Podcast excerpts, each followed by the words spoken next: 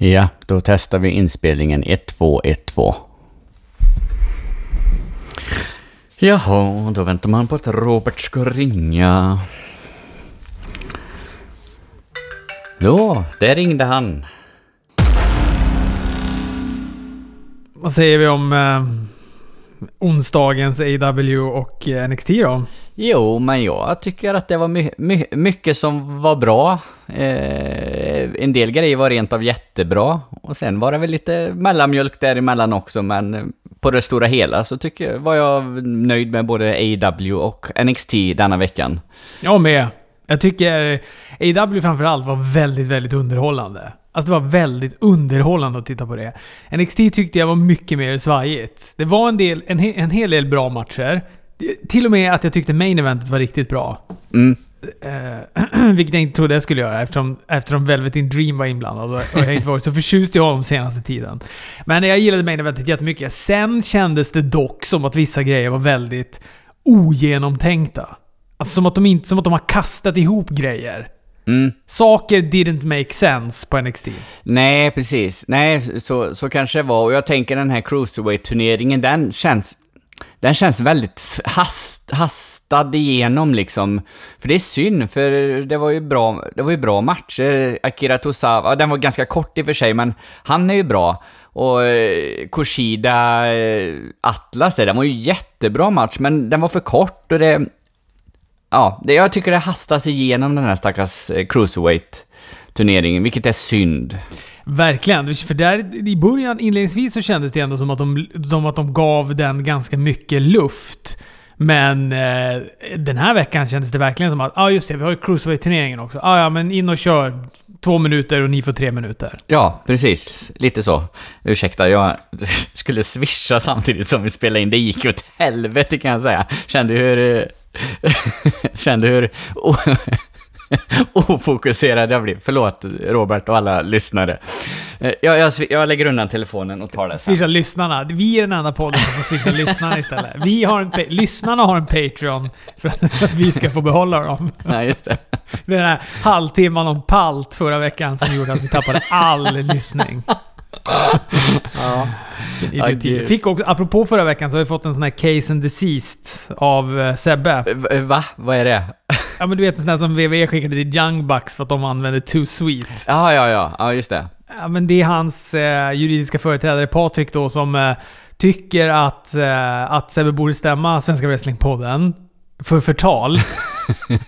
Han, hade, han, fick ju ganska mycket, han fick ju ganska mycket spelutrymme förra veckan. Han skriver “Jag har nu tagit del av det läckta dokument, mailkonversationer mellan Sebbe och hans juridiska ombud. Där det står inte för att de, säger, inte för att de framställer dig som lätt aut, autistisk utan meningsfullt liv. Sånt kan man kanske till och med hålla med om. Men att de hävdar att du är gift. Där går väl ändå gränsen. Ja. Det var jag som slängde ut mig att Sebbe var gift. Jag kallade hans tjej fru. Eh, tydligen är de inte gifta. Jag har tittat upp på Ratsit och såna här saker. Men eh, de har levt ihop i, ja vad är det, 16-17 år eller något sånt där. Men de är inte gifta. Nej, nej, men då är man nästan gift i alla fall. Hörru, ska vi, eh, ska vi beta av Dynamite först?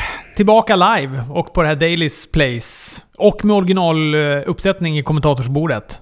Mm, precis. Först blev jag lite sådär att fan det här var väl onödigt. Det, det kändes inte så alls som att det var nödvändigt att de var här, men ju mer showen gick så tyckte jo, så ändrade jag min åsikt och tyckte att jo, men det var lite trevligt att de var på Daily's Place, de hade lite fyrverkerier och de hade ju faktiskt spritt ut ytterligare lite folk i den här arenan och även som man såg på main eventet sen eh, i, i då, i, ja, där de köper dricka och popcorn och annat, så stod det ju lite folk sådär, så att... Eh, ja, de hade klätt in det bra tycker jag och eh, det, det var kul att de var tillbaks på, på Daily's Place i alla fall.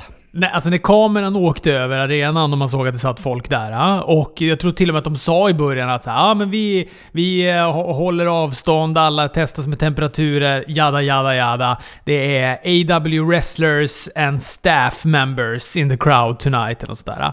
Och det var ju ganska mycket folk ändå, precis som du sa, som satt. Och då var det ändå ganska mycket mellanrum mellan de här då, som, som satt i publiken. Men sen när det där main eventet satte igång, jag vet inte, jag vet inte om jag såg en, vad är det Florida har? Eh, För att man ska, I Sverige så är- vi ju väldigt, där tänker vi, där pratar vi ju meter för att folk ska förstå. Det är två meter. Håll en och en halv till två meters avstånd. I Florida har de ju satt upp här skyltar att man ska tänka en krokodil emellan sig. så att, eh, och jag vet inte om det var så mycket krokodil i mellanrummet mellan när de var där eh, i backstage-brålet. Där stod ju folk rätt tätt Mm. mellan varandra. Precis, men de hade munskydd. Det hade de ja. Jake the Snake hade munskydd, även om han hade på sig det En liten i stund. en liten, liten, stund. Sen åkte det av. Ja. Nej, men jag tycker det var alltså jag, tycker, det, jag gillar att de var tillbaka på Davis Place. Sen om de behöver vara live, det vet jag fan. Och sen fattar inte jag om de... ah, jag vet inte om de bandade nu några grejer till framåt. Eller om det är att de kommer vara live nu och framåt. Jag, jag, ska, jag är osäker på hur, hur det där kommer funka. Mm, ja, jag vet faktiskt inte heller. Så att det... Men jag gillar att de var på Daily's Place. Jag tycker det är luftigt. Det är härligt man ser himlen och såna här grejer. De kan köra fyrverkerierna. De kan ha mer folk. Det lät ju väldigt, väldigt mycket mer. De har en publik som ropar, som tjoar och kimmar. Jag kollade på Smackdown här nu innan vi började och det är den här... Man hör ju fläkten i taket. Mm. Vum, vum, vum. Nej, för att det är så jävla tyst. Och Mm. då känns det så platt och tråkigt också. Det blir ju livfullt när de ändå är där. Ja, precis. Ja, men vi startar ju med en eh, ganska rapp match mellan Cody Rhodes och Joe Janela. Jag tyckte det var kul att se eh, en, en, nu säger jag en ny brottare, men det får ni ta med... det, det, är ju, det är ju en definition, men alltså Joey Janella, det- alltså, det har ju varit mycket samma brottare med, i och med att de har hållit det lite tight och spelat in och sådär, så har de- de inte använt... Så det, det var kul att se någon, någon som man inte har sett på ett tag, så, så ska jag väl uttrycka mig istället. Så att bara det gjorde att eh, den här matchen kanske blev lite bättre än vad den egentligen var, men jag tyckte också att det var, det, det var en bra start på AW, en bra match mellan Joey Janella och eh, Cody. Mm. Ja, men jag, jag gillar matchen jättemycket. Cody är inne i en bra serie. Shattered Dreams, cykelspark. Janella lyckas få ner Cody, gör sin elbow drop. Det är pinfall. Cody kickar ut. Han går för sin disaster kick. Janella fångar upp han i luften, slår en suplex som Cody tar rätt på huvudet. Han gör ju också en moonsault där någon gång, eh, Cody, från den här ah, trappan. Halvtaskig va? Ja, ja, verkligen halvtaskig. Men du vet, lite som alla andra kunde göra det där när vi var och badade eh, när jag var liten. Mm, och jag kunde inte göra en bakåtvolt. Och mina såg ut ungefär som Codys, fast han lyckas ändå rädda den. För att någon, på något mirakulöst sätt så landar han ju ändå på fötterna. Trots att han tweakar den där som ser ut som att han ska landa på njurarna ungefär. Precis. och för så var det alltid för mig. Då var det alltid att jag tittade åt sidan, åkte snett och så plaskade jag med liksom, sidan av, av låret istället ner i vattnet. Precis. Men på något sätt så lyckas han rädda den där. Jag fattar inte hur. Nej, äh, snygg var den inte, men ja, ja. Så blir det ibland. Han löste den. Springboard, springboard eh, Cody Cutter, högernävar avlöser varandra i en lång serie och till slut får Cody in en crossroads och vinner matchen. Ja, han är inne i ett stim. Den är Cody. Ja, spännande att se ifall han tar den där titeln. Du är väl helt inne på det, att han tar den, eller? TNT-titeln. Men då måste han i och för sig vinna över Archer nästa match och det är ju ett svårare hinder. Ja, det är det ju. Men eh, kanske att han får hjälp av brorsan eller någonting. Vi får se. Ja, ja vi får se hur, de, hur det löser sig. Nyla Rose mot Kenzie Page. Jag tror att de pratade, jag vet inte om det var här de pratade om det eller om de pratade om det på Wrestling Observer, att hon började wrestlas när hon var 14 år gammal. Nu är hon 18 år gammal. Jo, de sa det, de sa det här i programmet också, eller så, så att det... Ja, innan det här så är det ju också, det tyckte jag i och för sig var roligast, för att innan den här matchen börjar så får de, liksom visar de ett videopaket med, med brudar som är hungriga på Nyla Rose titel. Sen kommer Nyla ut och frågas ut av Shivani om vem det är som är den dominerande kraften i AEW. Nyla skriker att det är hon såklart. Kameran zoomar in på Hikaru Shida som skakar på huvudet. Britt Baker som himlar med ögonen eller får en stroke. Jag är osäker på vad det är vi, vi får se där. Och sen mördar hon då den här uh, Kenzie Page med en Beast Bomb. Ja, och en jävla close line. Den sålde hon snyggt, eh, Kenzie Page. Det, det var, eh, veteran JBL slängde i väggen. Den var fan med från helvetet och tillbaks den eh, close line. Den var Ja. snyggt. Sen är det ju lite spännande, för vi får, eller så här, vi får en jättebra video med MJF när han sitter i någon penthouse-våning. Ja, han pratar om att nästa vecka då är han skadefri. Då ska vi få se han i action. Samtidigt som han gör någon grej med foten och så får han ont av det. Så vi får väl se ifall, ifall eh, skadehistoriken han är inne på fortsätter. Men... Eh, Mm, han, nej men han, s- han, sa, han sa väl det liksom att han... Att han drev med oss när han gjorde det, eh, den här skadan. ja, var det det han sa? Ja, typ så att... Eh, äh, jag, jag är skadefri liksom. Utan det, det var bara en... Han han larvar ju sig där, typ så. så att, eh, mm. Men se- sen så, och sen så får vi ett videopaket med Sean Spears, som också tycker jag är väldigt, väldigt bra. Eh, MJFs grej är jättebra. Sean Spears grej också jättebra. Sen kan man väl kanske tycka att han ska släppa Cody någon jävla gång. Men eh, jag vet inte. Det lär väl bli en match mellan dem sen igen. Men sen så plötsligt då så är ju MJF där, för då står ju han ringside. Mm. Och det blir lite fel i mitt huvud, för att han har ju stått där nu, eller nyss var han i en jävla penthouse-våning och pratade om att han skulle vara med nästa vecka. Och nu helt plötsligt så står han där och dealar cash med, eh, med Sean Spears. Ja, jag håller med. Det, det, det blir en lite, liten clash där och så. Men eh, sen även den intervjun mellan eh, Tony och eh, MJF och Sean Spears var ju också väldigt underhållande, så att eh, det gjorde inte så mycket. Jag, jag kan förlåta det, eh, så. Faktiskt. Ja, nej men eh, nej, exakt. Jag håller verkligen med. Det är, fan, det är underbart att se MJF.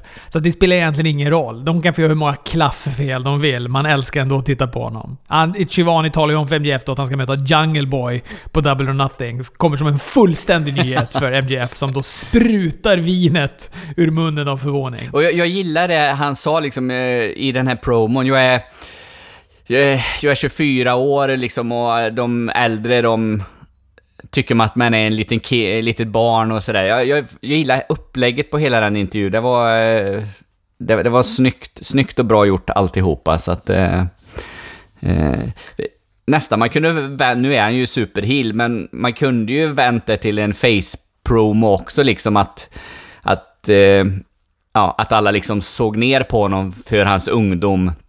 Men här, och, och gjort det till eh, liksom en, mer en Askunge historia av det. Nu har de ju gått andra vägen, vilket jag nog tycker är, egentligen är väldigt bra med MJF, för eh, han är nog en klart mycket bättre heel än face, gissningsvis. Men eh, ja, så, så jag är jättenöjd att de, att de kör den här. Och mer, mer MJF åt folket.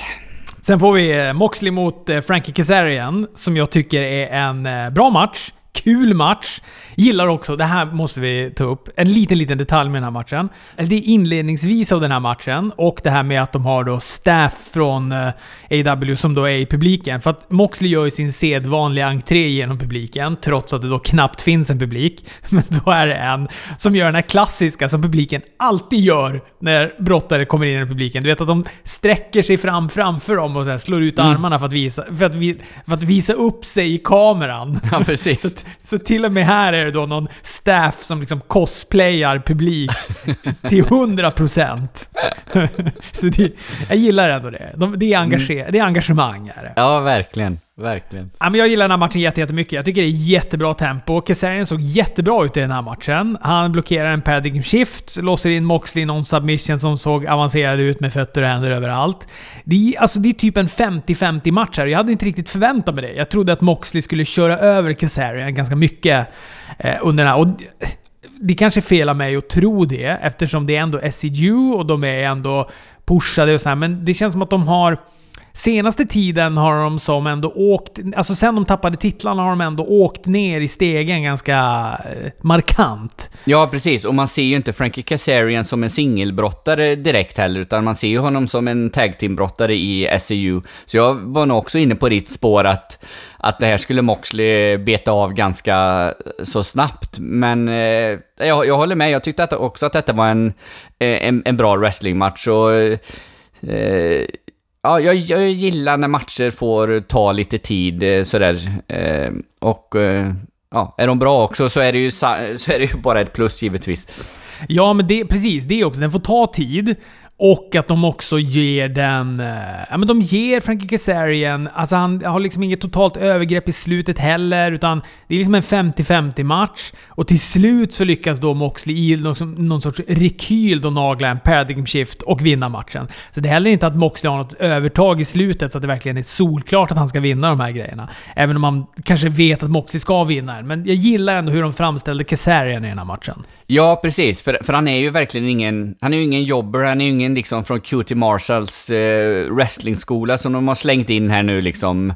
Eh, det är ingen Pineapple Pete liksom så. Även fast jag tror att Pineapple Pete in, inom ett halvår kommer att vara den största jävla stjärnan i hela AEW när de får publik. För alltså Chris Jericho säljer ju in honom så in i helvete. Blir inte han nästa, the next big thing så, så vet inte jag vad alltså.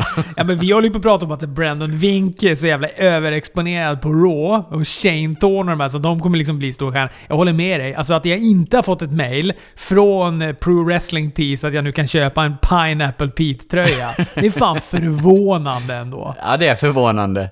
Verkligen. Men han måste ju också döpa om sig. Vad var det han hette? Shu D eller något sånt där? Uh, Shu, han, su, su, ja, precis. Suge, Suge S-U-G-E-D. Ja, jättekonstigt namn, skitsvårt att säga. Pineapple Pete äh, ligger perfekt i munnen. Kör på det! Ja, efteråt i den här matchen då så blir båda överfallna av Dark Order. Brody Lee kommer in, utmanar Moxley. “Accept my challenge or we will make you”. Moxley svarar lite halvt i eldslaget. Du hade bara behövt fråga. Ja, är en underbar Moxley. Ja, det är så bra, för att det där är också en sån comeback som passar han så jävla bra. Att han säger, att han säger det. Ja, ja jät, jättebra. Jättebra utav Moxley där. Och jag tycker det är en helt okej promo utav Brody, Brody Lee också, eller sådär, så att... Eh. Och se, vi, visst hade han med sig, de, de kallar ju honom nummer 10 nu, eh, så. Men det var det måste väl varit han som han eh, eh, pratade med i en promo, var det förra veckan eller förrförra veckan? Ja, jag tror det var förra veckan ja. Den här stora killen ja, som han eh, pratade med. Men Jo, jag tror också det var han. Sen ifall vi någonsin kommer få veta vem det är, det är ju en annan, annan femma i och för sig. Det kanske bara är också någon från QT Marshall stall som, eh, som de använder där, men ja, ja. Men du, Brody Lee mot Moxley om titeln alltså, på Double or Nothing. Oväntat. Det känns ju som att, alltså de har, och nu får folk och du också rätta mig om jag har fel, men jag tror att de har ganska mycket historia tillsammans från det här CCW. Eh, och har gått massa matcher där och säkert gått massa såna här idiotmatcher, du vet, med lysrör och gafflar i pannan och ja, allt vad det nu är de använder där. Så frågan är ifall de gör någon spin på det och liksom gör någon sån match, eller ifall de bara kör en regelrätt eh, wrestlingmatch. Men jag tänker att, eh, eh, att eh, eftersom de har lite historia därifrån så känns det som att den här matchen kan bli jädrigt, jädrigt rå och jädrigt bra. Ja, absolut. Det känns så tidigt för Brody Lee, men... Ja, varför inte? Ja, fast samtidigt, det, det är ju lite begräns ett begränsat stall nu som finns att tillgå och, och han har ju kommit in här så, och de, jag gissar att de ser han som en utav de, de som ska kunna bli en utav de stora i, i AEW och liksom eh, hänger med titeln och, och runt där och ska ha mycket exponering, så, så varför inte? Eh, sen vet jag inte... Eh, sen kanske jag hoppas, eller jag hoppas nog i och för sig att Moxley får behålla titeln ett tag till, men ja, vi får väl se. Mm. Ja, vi får se. Den äger ju rum i alla fall den där Double or Nothing. Förmodligen utan publik. I was at home, eller vad jag såg det hade Pro Wrestling Tees skickat ut till mig att man kunde köpa nu eh, Double or Nothing-tröjor. Du vet, I was there kunde, brukar ju vara ganska klassiskt att man har. Och nu är det Double or Nothing med citatet I was home eller något sånt där. I watched it at home. Eller Ja. Någonting i den stilen. Ja. Kul!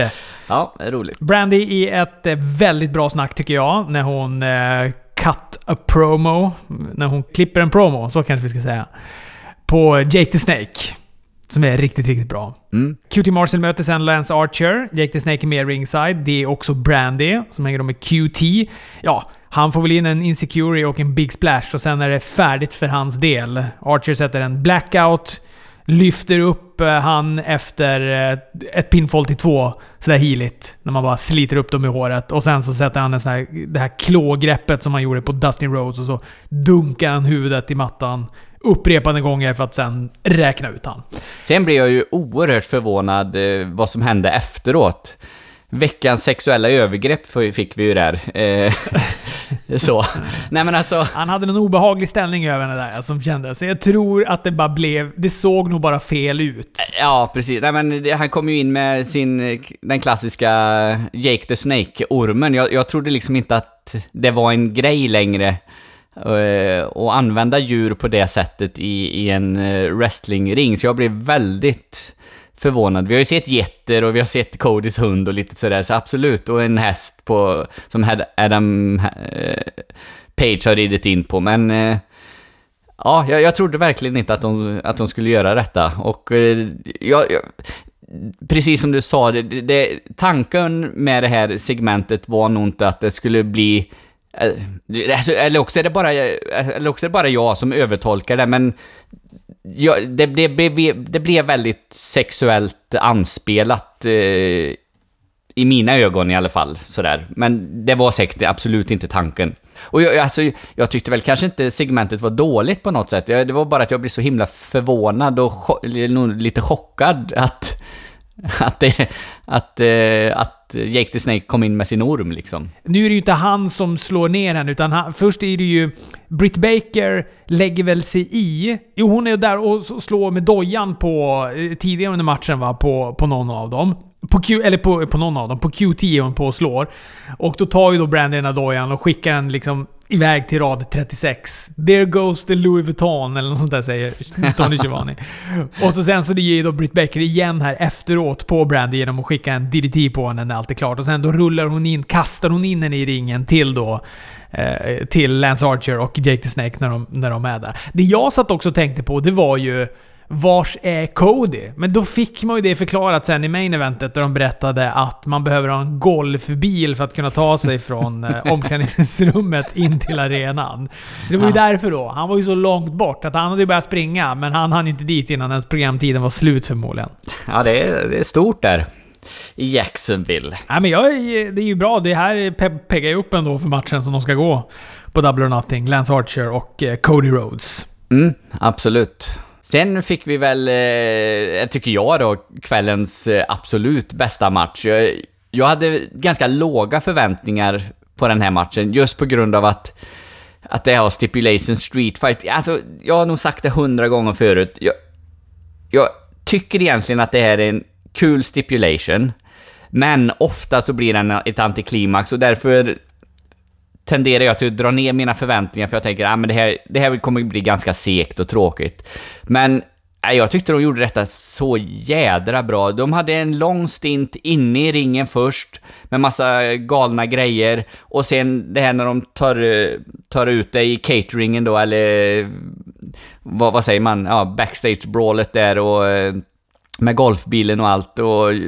Nej, fan jag tyckte det var riktigt jävla toppen. Och Matt Hardy, han, nu gjorde han ju några transformeringar i denna matchen. Från, från Damascus till Matt Hardy och tillbaks till Damascus igen.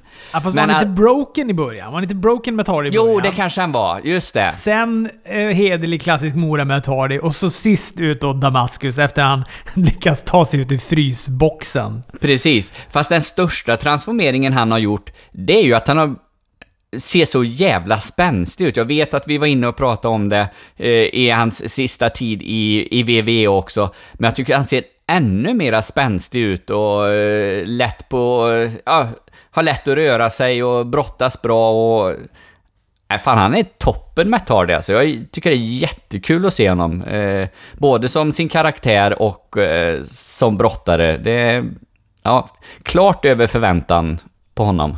Ja, jag, älsk, jag älskade den här matchen. Jag tyckte den var så jäkla underhållande den här.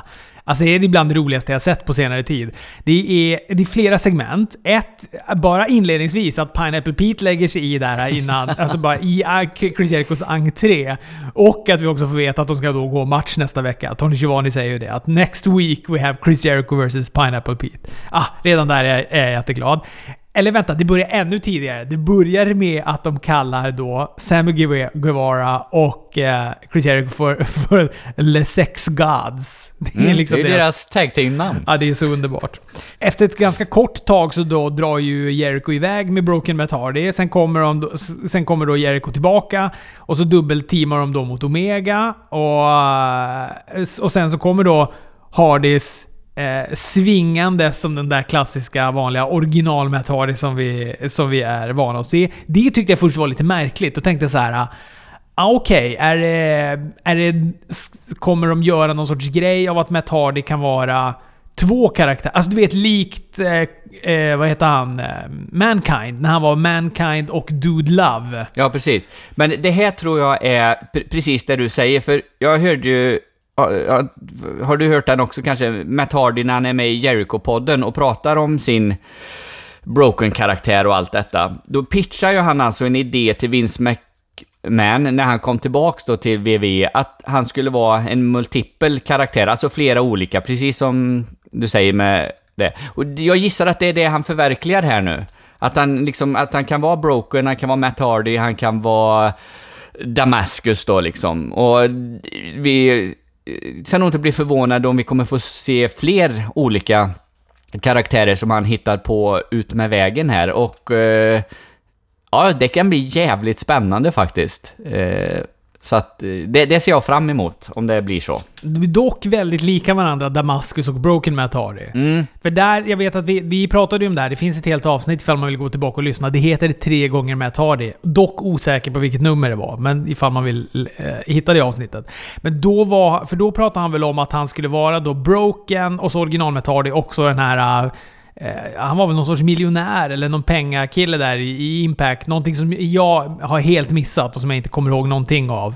Mm, ja, det, precis. Ja, ja, skitsamma. Men jag, matchen är kanon, det är bord, det är stegar, Hager lägger sig i, matchen flyttar backstage precis som du sa. Jericho och Hager låser in Matt Hardy i frysboxen. Omega kämpar på, hamnar i underläge. Matt Hardy stiger upp i frysboxen. Då är han då Damaskus.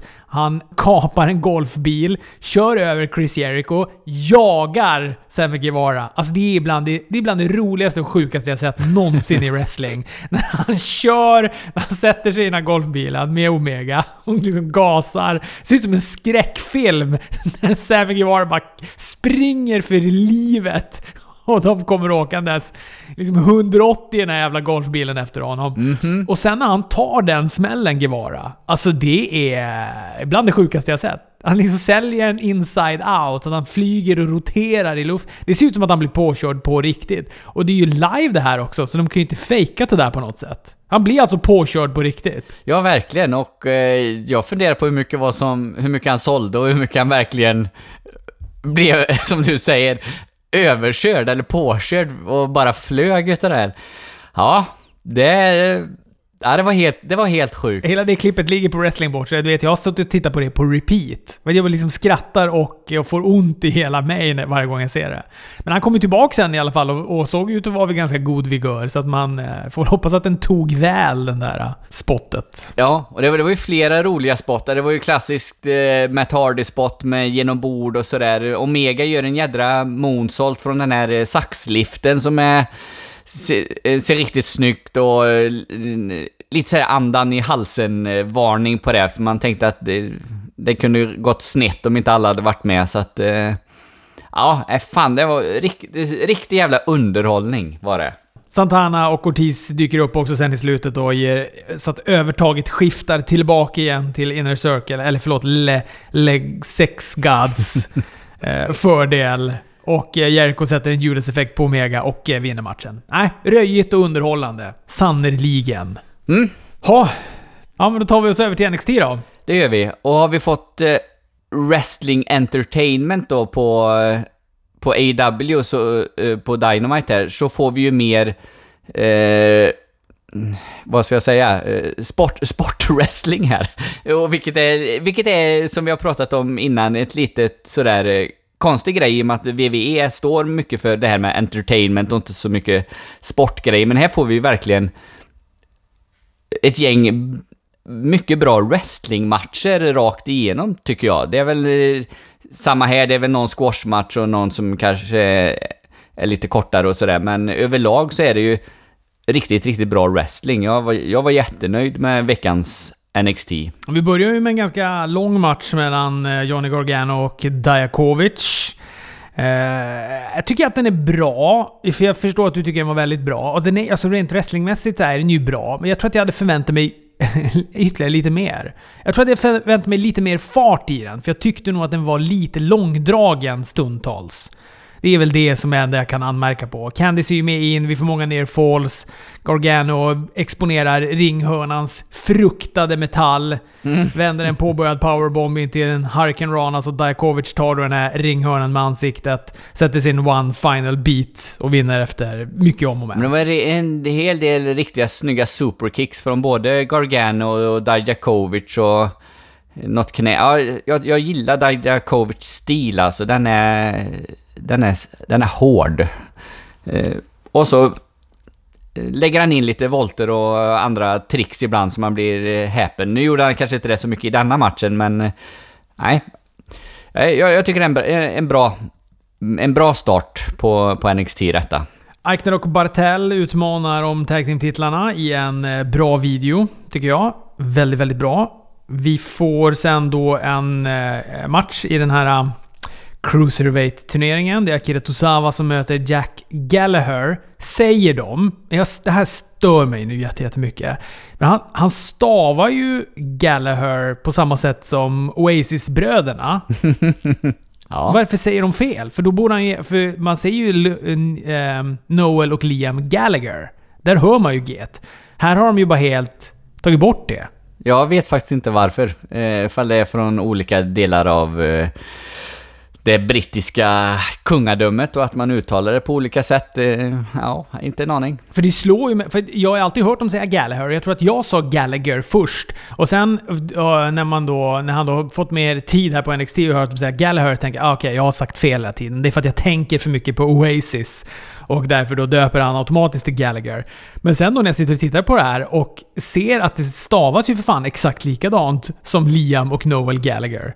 Så ja, jag vet inte. Men jag har svårt att fokusera på matchen för att jag bara, bara sitter och stör mig på att jag tycker de säger fel hela tiden. Ja, nej men... Eh, jag, jag, vet inte, Robert, vad jag ska svara på det här namnet. Men eh, det, det jag kan svara på om matchen är att jag tycker det är synd att den är alldeles för kort. Det var lite det vi var inne på förut, att den här Cruiserweight-turneringen... Nu, nu, känns det som att de uh, kör den bara för att de har bestämt att de ska köra den liksom och inte bryr sig så mycket om den, vilket är, uh, är lite synd. Eh, den, den kunde fått mer utrymme den här matchen och likadant nästa match med Kushida-matchen där. Den, den, kunde också varit längre liksom. När de ändå gör en turnering och, och, och liksom fokus, tycker jag att de, då kanske de fokusera på det mer och, och då kan de få mer utrymme. Eh, men det är lite som alltid i WWE, Tag Team och Cruiserweights, det är liksom... De har med det bara för att plisa lite tittare och så blir vi ändå bara besvikna på det, tyvärr. Jo men eh, exakt, verkligen. Men det var precis det vi var inne på. Det, för, för mig känns det som att de här main event, eller de här cruiserweight, den här cruiserweight-turneringen är en ganska stor del. Så när de då bara kommer in och slätar av det på en sån här två, tre minuter, då känns det som att okej, okay, men vänta, har jag missuppfattat det här nu? Ska jag inte tycka att det här är en stor del av NXT? Eh, ja, så det känns som att de verkligen har devalverat hela den turneringen bara på en vecka här nu genom att eh, låta dem ja, bara gasa sig igenom de här matcherna. Mm. Men som sagt, det är jättebra. Tosawa med en Frankensteiner, örfilar upp varandra på ringkanten. Tosawa sätter en, en, sätter en DDT där som ser galen ut. Upp på topprepet och avslutar så med sin diving senton. Jättebra de få minuterna som vi får av den här matchen. Verkligen. Det blir spännande att se nu Fantasma Kira Tosawa, för den avgör ju då eh, vem som vinner den här gruppen. Eller ja, vinner Tosawa så vinner han ju gruppen. Vinner Fantasma så blir det ju lika. Eh, så. Eh, Kör det... sten, sax, påse om vem som får. ja, risken finns. Eh, tyvärr. Men det är ju frågan lite hur de ser på Fantasma då liksom. Ja, för, för hur de ser på Tosawa är ju också ett gigantiskt jävla frågetecken. Eftersom han, här är han en stjärna och på Raw är han en jobber. Precis. Men är det den här gruppen som Drake Maverick är med i? Eh, heter han Drake Maverick? Ja. Mm. Eh, för han har ju också chansen. Ja, men nej, jag tror han är väl med i andra gruppen va? Han är med i andra gruppen? Ja, okej. Okay. Ja. Ja, ja, strunt samma. Det, det ser vi ju hur eh, fokuset ligger på den när vi inte ens har koll på vilka som är vilka grupper, men ja, ja, det löser sig till Det finns på internet. Det finns på internet. Lee mot Chelsea Green. Green vinner ganska snabbt på en um, I Prettier. Jag höll på att säga Unprettier, men den heter ju I Prettier nu. Eller I'm Prettier till och med. Precis. Efter att då Ali har kommit in och stört Lee. Sen, det- vad heter det nu, teasar de lite grann att uh, Alia är på gång in i han den här uh, Rob E. Brand, eller vad nu han heter. Rob E. Robert Stone. Robert Stone, ja. Just det. Hans Robert Stone Brand där. Ja, det kanske de gjorde. Det, det var mer än vad jag uppfattade. Jag blev sur när Saya Lee förlorade, så att jag zonade ut. Eh, Tyvärr. Nej, men det kanske, det kanske var bra. Eh, det, det var väl bra bokat för det är så, för det spinner ju vidare på Alia och Sayalis eh, lilla schism där när Saya Lee sparkade av henne näsan och sådana grejer. Så att eh, absolut, så sett var det väl bra. Sen kanske vi får en förklaring i och för sig varför alla andra grejer är så korta eftersom det här introt av Carrion Cross som jag har, tycker både är fantastiskt och bedrövligt på samma gång. är, tar ju upp liksom halva NXT-tiden. Jävlar vilket långt intro han fick. Det var ju coolt och det var ju... Eh, ja men man märker ju att de verkligen eh, vill porträttera han som en, eller de som stjärnor eftersom de får det här utrymmet. Men eh, långt var det. Mm. Och vet du vad jag satt och tänkte på? Jag skulle vilja se det ännu längre. nej, men, nej men jag satt och tänkte mig, alltså, tänk dig om, om han, de, de här två nu blir ett riktigt bra par och blir riktigt bra stora stjärnor i WWE. Tänk dig det introt på WrestleMania 40. Det kommer vara 25 minuter långt. Ja men alltså det, det har ju potential, för jag tyckte att det var ett, det var ett jävla kanonintro. Det var skitsnyggt. Hon såg häftig, cool, sexig, astuff ut. Och Karrion Cross ser ju också jävligt tur. Jag tyckte det var helt jävla kalas. Jag såg ju vad du skrev på Facebook där och jag gissar ju vad du kommer eh, tycka var det pajigaste då. Det var ju att hon mima eh, gissar jag, eh, låttexten alla Tai Chi i New Japan där. Och jag, jag kan hålla med dig i det, men tänk ifall hon hade sjung, sjungit på riktigt, då hade det varit asmaffigt alltså. För jag tycker... Det hade kanske varit ännu värre. Nej, det tror jag inte. Nej, det hade nog varit bättre om man hade sjungit på riktigt. För här, alltså grej, grejen är så här. Jag tycker allt, jag håller med dig. Allt var coolt. Det hade kunnat få vara längre, absolut. Men eh, allt var coolt förutom att hon just mimar. Och när, när, eh, när Tai Chi gör det i New Japan så är det liksom mer okej för att han är också så jävla nonchalant. Vi pratade om det, han, han mimar ju inte ens. Han håller ju bara micken för Han orkar ju inte ens mima den här låten längre. Han bara håller micken lite slentrian framför munnen. Och så, så ska man då tro att han sjunger. Men det här blir lite så här, lite dåligt läppsynkad MTV-video när jag ser att de har zoomat in på henne när hon, när hon sjunger låten. Äh, det, jag vet inte, det var... Äh, jag gillade det inte. Mimandet måste upphöra. Hon, kan ju ändå, hon ser ändå stencool ut. Hon kan ändå komma in och gå, men hon behöver liksom inte mima låten.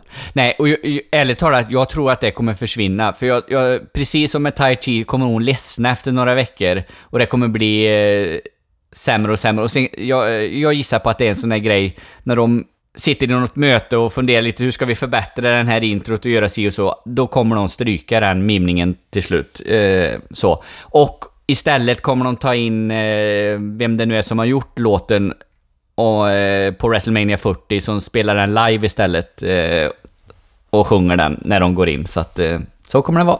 Ja, men det, det, det kändes ju verkligen som ett wrestlemania intro det här. Det gjorde det ju. Ja, jag fick liksom så här Undertaker-vibbar eller någon, kanske någon Triple H-intro med mycket pyro och... eh, Eller Triple H... Jo, men lite hans... Eh, ja. Nej, det- jag, jag, nej, jag är helt såld på, på de här två nu. Ja, nej, men det kommer bli spännande. Vi får också veta att hon heter Scarlett. Eh, inte Bordeaux dock, men bara Scarlett. Mm. Kort och gott. Nej, men jag håller med. Färgerna, röken, låten, allt var coolt. Han möter här Leo Ruff. Eh, Det är inte så mycket. Det är väl två såna här backside suplex han gör och sen en cross jacket. Och sen är det över för Leo Ruff. Ja, precis. Io Shirai mot Charlotte Flair. Mm. Om titeln som Charlotte Flair har. Ja, jag vet inte vad jag ska säga. Jag gillade den här matchen jättemycket. Slutet var ju verkligen märkligt. Ja, men det var ju helt eh, som jag eh, förväntade mig att det skulle bli. Att hon skulle... Eh, eller, jag vet inte ifall jag förväntade mig att hon skulle ta fram en kendo-stick och bli diskvalificerad, men jag tänkte på något sätt så kommer det blir något uh, fuffel och båg och eh, Rhea Ripley kommer komma in och... Uh, ja, och det var ju ungefär det som hände, så att... Uh, vilket var lite, li, lite tråkigt slut, men ändå på något sätt förväntat. Eh, så, för hade Charlotte vunnit rent, ja, då hade ju Io Shirai varit liksom rökt och ute ur bilden. Kan man ju tänka. Jag, jag hade inte heller förväntat mig att... I, alltså, jag hade också förväntat mig något annat slut än en ren vinst. Eftersom de pushar jättemycket på Io Shirai och det känns som att det är absolut inte nu som Charlotte Flair kommer tappa titeln. De kommer absolut inte tappa den nu till Io Shirai. Nej. Det, det trodde inte jag heller. Men det är någonting med att hon tar fram en kendo-stick från ingenstans, gör så att hon blir diskvalificerad. Ja, okej. Okay, då hade det väl kunnat sluta där. Men att då Rhea Ripley kommer in, hjälper Io Shirai och så sen är upplägget mellan Io Shirai och Rhea Ripley. Mm. Det är det som blir så jävla konstigt. För att då hade jag väl kunnat fatta att de, de får välja här. Antingen så gör de ett avslut där eh, Charlotte plockar fram en kendo-stick och blir diskvalificerad. Absolut, jättebra. Gå vidare med det. Om de vill ha med mm, eh, Rhea Ripleys comeback också, ja men det kan de också ha. Hon kan komma in i slutet och bara då mörsa på eh, Charlotte Flair. Men då ska hon ju inte hjälpa Io Shirai och hon ska framförallt inte hjälpa Io Shirai så att upplägget blir Io Shirai mot Rhea Ripley. För då får hon ju nästan komma in i sådana fall och förstöra matchen och, och att det genererar en diskvalifikation och att det genererar att Yushirai är förbannad på Rhea Ripley och vill ha den här matchen. För nu är det ju bara konstigt. Hon hjälper ju för fan Yushirai och så sen är Yushirai jätteirriterad efteråt och eh, så börjar de bråka och så blir upplägget mellan dem. Så, så det don't make sense överhuvudtaget där tycker jag. Nej, men jag, jag, jag håller med vad du säger. Jag, din, eh, din plan lät ju helt mer eh, logisk än det som utspelade sig på, på NXT. Absolut så är det ju lite konstigt att hon hjälper Shirai och sen är upplägget mellan dem. Jag, håll, jag håller med. Jake Atlas möter Kushida. Det är också då den här turneringen. Det är en grym match. Jag tycker att det här typ är kanske den bästa som vi får på NXT den här kvällen. Det är, alltså tempot var så jävla högt i den här matchen. Mm. Kushida, den här, de här palm strikesen han gör, är också så fruktansvärt snygga. Och så då slutet här när han fångar upp Atlas i hans hopp från topprepet i slutet, låser in han i en uh, för detta hoverboard lock. Vad kallar de det nu då? Skaburba lock? Sa Sakuraba lock. Sakuraba lock, ja. Mm. Ja, nej men jag tycker den var jättebra. Kanonmatch. Atlas är fan också toppbra alltså. Ja, men eh, han, han är duktig. Han behöver paketeras om lite och se lite eh, coolare och tuffare ut på något. Eller ja, no, någonting så. Men det, det, kommer väl, givetvis, om de tycker att han är något att satsa på. Men eh, han gör ju en jävla toppenmatch här. Jag hade ju gärna sett att den var 10 minuter lång. Eh, istället för kanske var, var den 3-4. Eller något, så att, eh, ja. Sen får vi Finn Balor. Han ska ju då förklara vad som hände sist. Eh, vilket han misslyckades med att göra. Eller han förklarar att han inte vet vad som hände sist. Så att med andra ord, han vet lika mycket som vi vet. Men han pratar om att det finns någon orm någonstans då som han ska hitta. Precis. Jag tycker det är, jag tycker det är fint att han ger en känga upp till eh, executives och annat. Han, vad är det han säger? Jag förr trodde jag att de, the bad guys var de som satt på, på kontoret liksom, men nu visar det sig att det finns någon bland arbetarna också. Ja. Sen spolar vi fram snabbt och då får vi då Cameron Grimes mot Denzel. Replik? Ja. Dejourné säger ju ja, men det kanske är fel. De, de uttalar ju Dejournet. Så att, ja ja, det är de tvistade lärde. Denzel är det i alla fall, som får agera jobber Cameron Grimes. Ja, han gjorde väl en cave-in och sen var det klart i den här matchen. Ja, ungefär så. Ville bara visa upp sig lite. Kul att se honom också. Det kändes som också ganska länge sedan som vi såg Cameron Grimes. Så att, eh, eh kul att se honom. Efteråt så blir det lite märkligt, för då börjar han då snacka skit om Baller. Mm. Baller kommer in och då tappar han liksom plötsligt karaktären helt och hållet, Cameron Grimes. Och bara så här, ah, förlåt, du vet, jag måste ju säga något. Och ett helt vän röst och inte alls sådär kaxig. Och Nej. ja, det blir ja, det blir lite märkligt. Men äh, jag ser verkligen fram emot en match mellan Cameron Grimes och Finn Balor. Verkligen.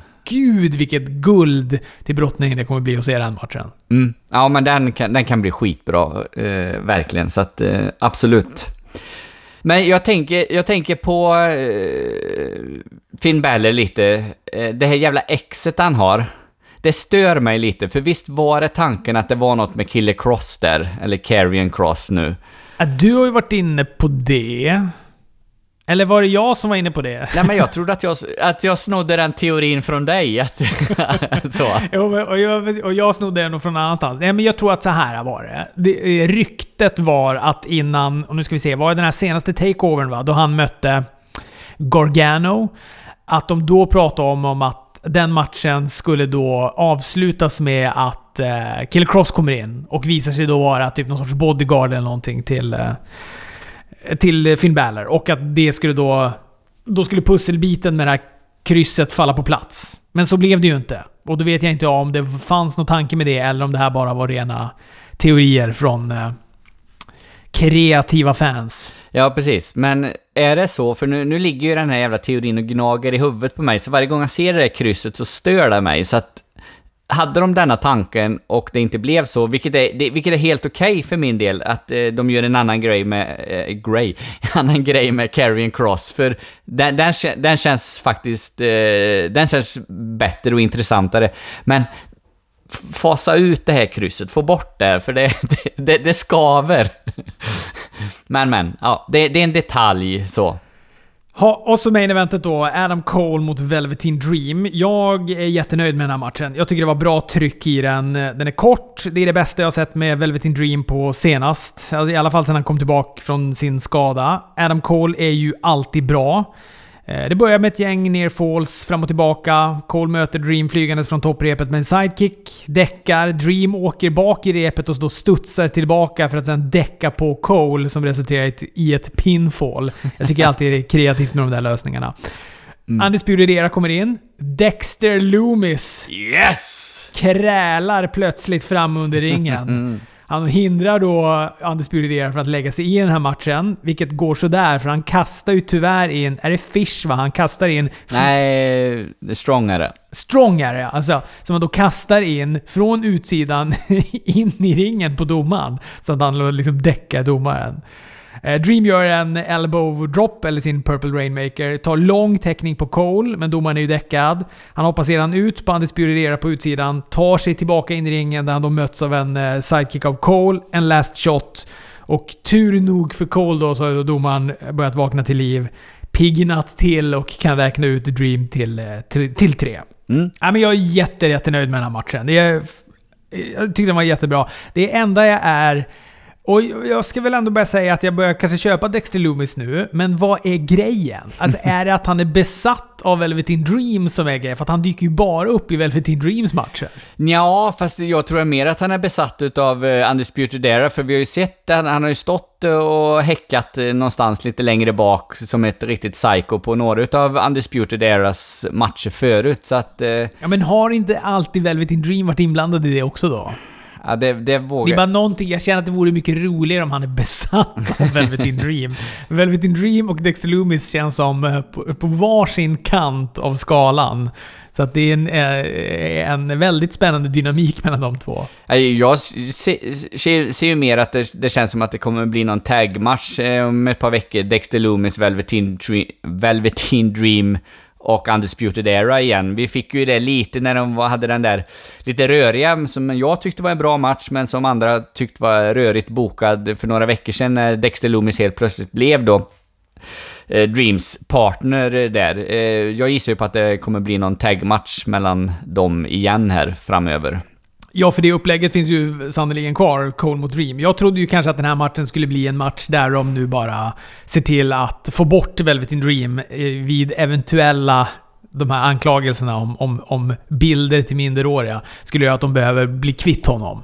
Men eh, nej, då, det örat lyssnar de inte på alls. De kör på. Ja, ja precis. Nej, det verkar ju som att de inte brydde sig om det så. Nej, men vad fan. Eh, Ett inte lika underhållande... Ett inte lika underhållande NXT som AW var, men jag tycker att det var även två bra shower, som vanligt. AW var kanon. Jag var jätteunderhållen rakt igenom. Det fanns lite mer att anmärka på på NXT, men eh, överlag bra. Nej men det tycker jag sammanfattar den här veckan utav wrestling, så att eh, jag tycker att vi säger tack och hej här. Hej då!